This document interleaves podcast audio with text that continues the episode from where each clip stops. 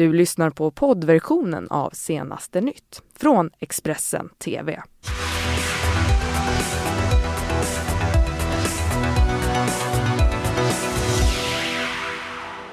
God morgon, hjärtligt välkomna hit till Senaste nytt denna onsdag den 6 februari. Jag heter Ylva Johansson.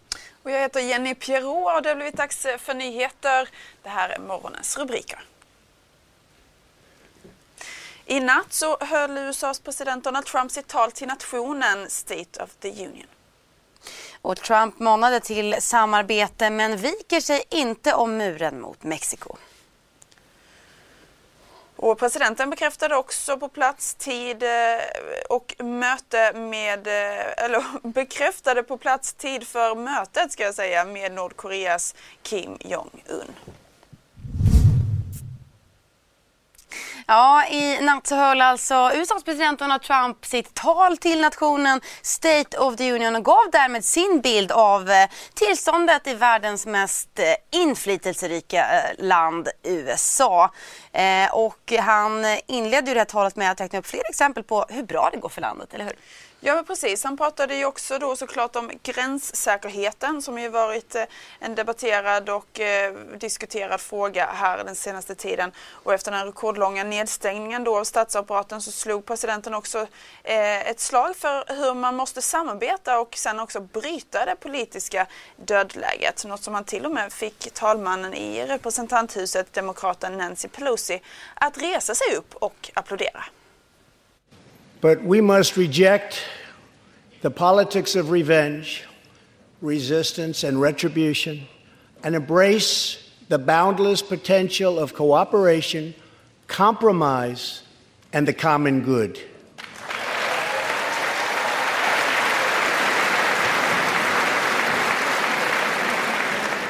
Together, we can break decades of political stalemate.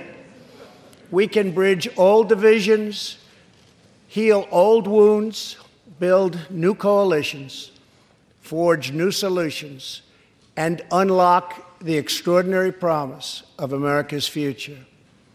The decision is ours to make.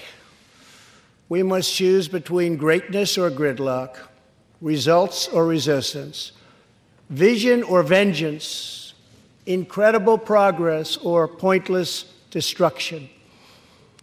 Tonight, I ask you to choose greatness.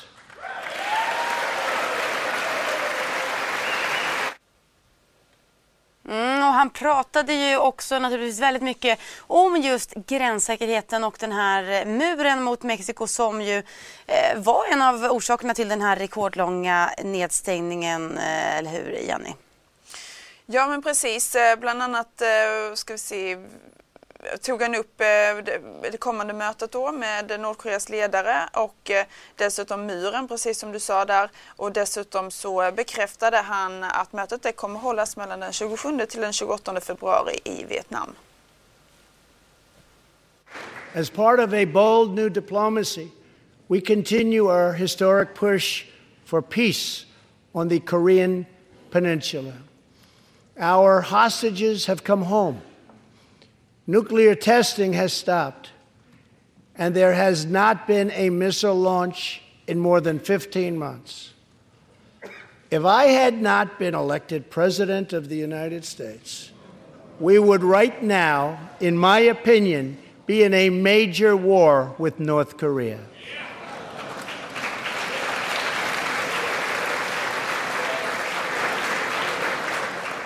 Much work remains to be done but my relationship with Kim Jong un is a good one.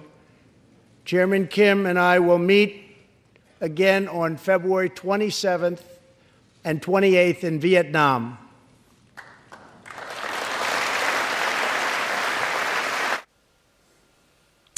Ja, ett direktsänt tal alltså ifrån president Donald Trump. Och ja, gränssäkerheten som sagt, som vi pratade om här innan också, och finansieringen av den här muren som det har diskuterats om mot Mexiko var ju naturligtvis också på agendan. Och presidenten sa också att han står fast vid att den här muren ska byggas. Eh, dessutom så anser han att en sån mur fungerar och att den skulle rädda liv. my administration has sent to Congress a common sense proposal to end the crisis on the southern border. It includes humanitarian assistance, more law enforcement, drug detection at our ports, closing loopholes that enable child smuggling, and plans for a new physical barrier or wall to secure the vast areas between our ports of entry. In the past, most of the people in this room voted for a wall, but the proper wall never got built. I will get it built.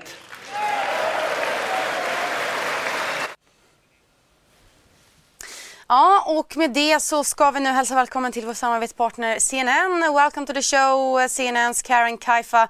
Uh, to begin with, uh, Karen, uh, before this State of the Union speech, President Trump said he would announce big news. Did he uh, give us any big news? Well, we did hear some news in tonight's speech, mainly the headline that he will meet with uh, North Korean leader Kim Jong un on February 27th and February 28th in Vietnam. Uh, he had teased the announcement of uh, that date, specified when the two leaders would meet again, so that was a bit of news.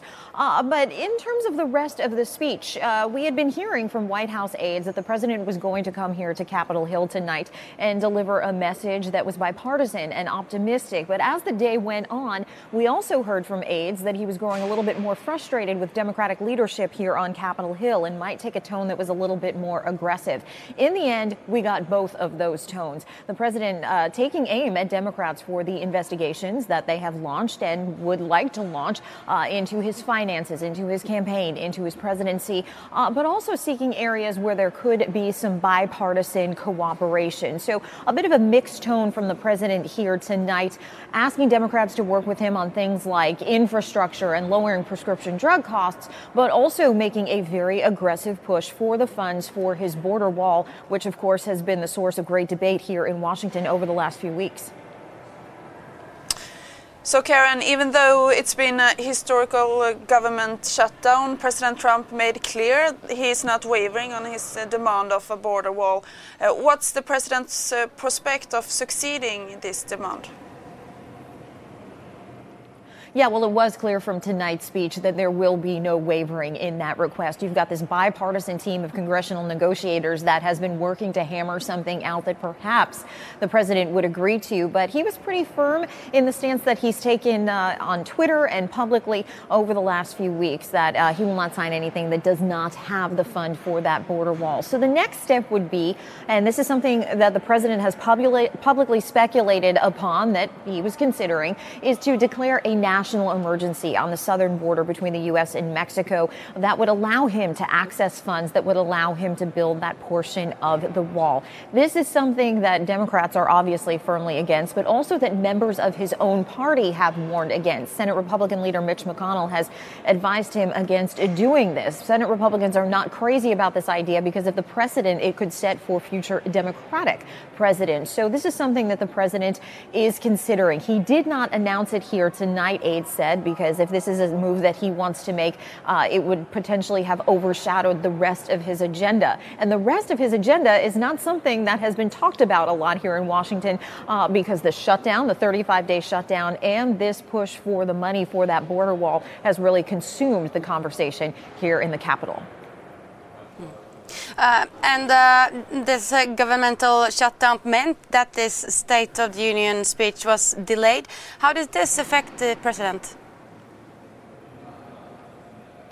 Yeah, well, this was uh, an ongoing battle between President Trump and Nancy Pelosi. President Trump really wanted to push to give that speech when it was initially scheduled on January 29th. There was even talk that he would take the State of the Union elsewhere for a while, but eventually he did back down and say that he wanted to give the speech in the House chamber the way it has been delivered for decades here. And so the content of the speech, the things that he sought to find bipartisan agreement on, the things like infrastructure cancer and lowering prescription drug costs. Maybe that wasn't so impacted uh, or uh, translated into the speech given a week late, but definitely uh, his persistence in pushing for that border wall funding perhaps was a little bit more overt than it might have been last week. Uh, and also uh, kind of his frustration with the investigations that Democrats intend to launch now that they are in control of the House of Representatives. Perhaps that also showing his frustration over uh, not really Democrats really not seeing eye to eye with him on this border wall funding battle. So that may have been a product of it as well. But for the most part, uh, a speech that could have been delivered last week, but of course was delayed. Uh, and then Speaker Pelosi re inviting the president to come and make it here tonight. So, are there any risk uh, that there will be a new shutdown? That is something that uh, the clock is ticking on. When the first shutdown ended, uh, members of Congress signed a or passed and, and sent to the president to sign a short term funding bill that funds the government through February 15th. Now, as I mentioned, there's this bipartisan group of lawmakers that is working on some sort of compromise. Again, the president has said he, they are wasting their time if it doesn't have the money for his border wall. But the wheels really have to be in motion for something uh, by the end of this week if it would hope to get through the House and the Senate and to the president's desk and signed before that funding bill expires on February 15th.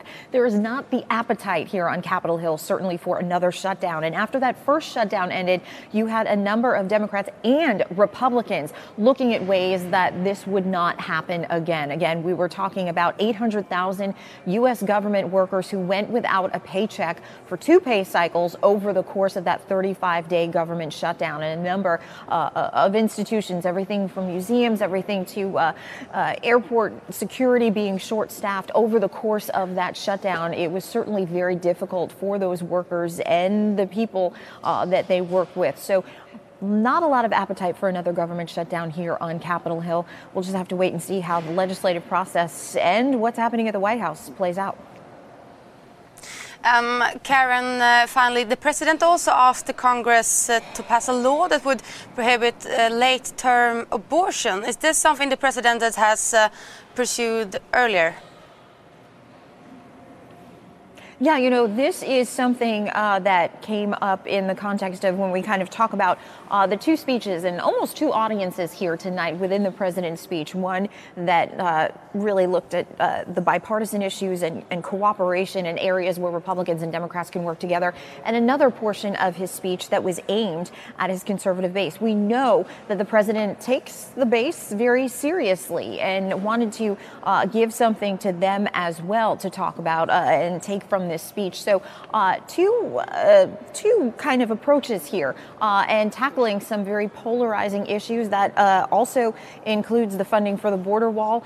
Issues that may not necessarily have a lot of collaboration and cooperation here on Capitol Hill, but the president including them here in this speech tonight. Thank you so much uh, Karen Kaifa for being with us here today. Eh, och med det så byter vi tillbaka till vårt egna språk här Ylva och eh, mer om detta naturligtvis på vår sajt och vi kommer väl eh, försöka leverera lite av hennes svar också senare här på svenska.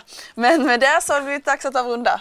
Det har det, men stanna kvar. Vi ska prata mer om State of Union här i våra sändningar under morgonen naturligtvis. Du har lyssnat på poddversionen av Senaste nytt från Expressen TV. Ansvarig utgivare är Thomas Mattsson. Ett poddtips från Podplay.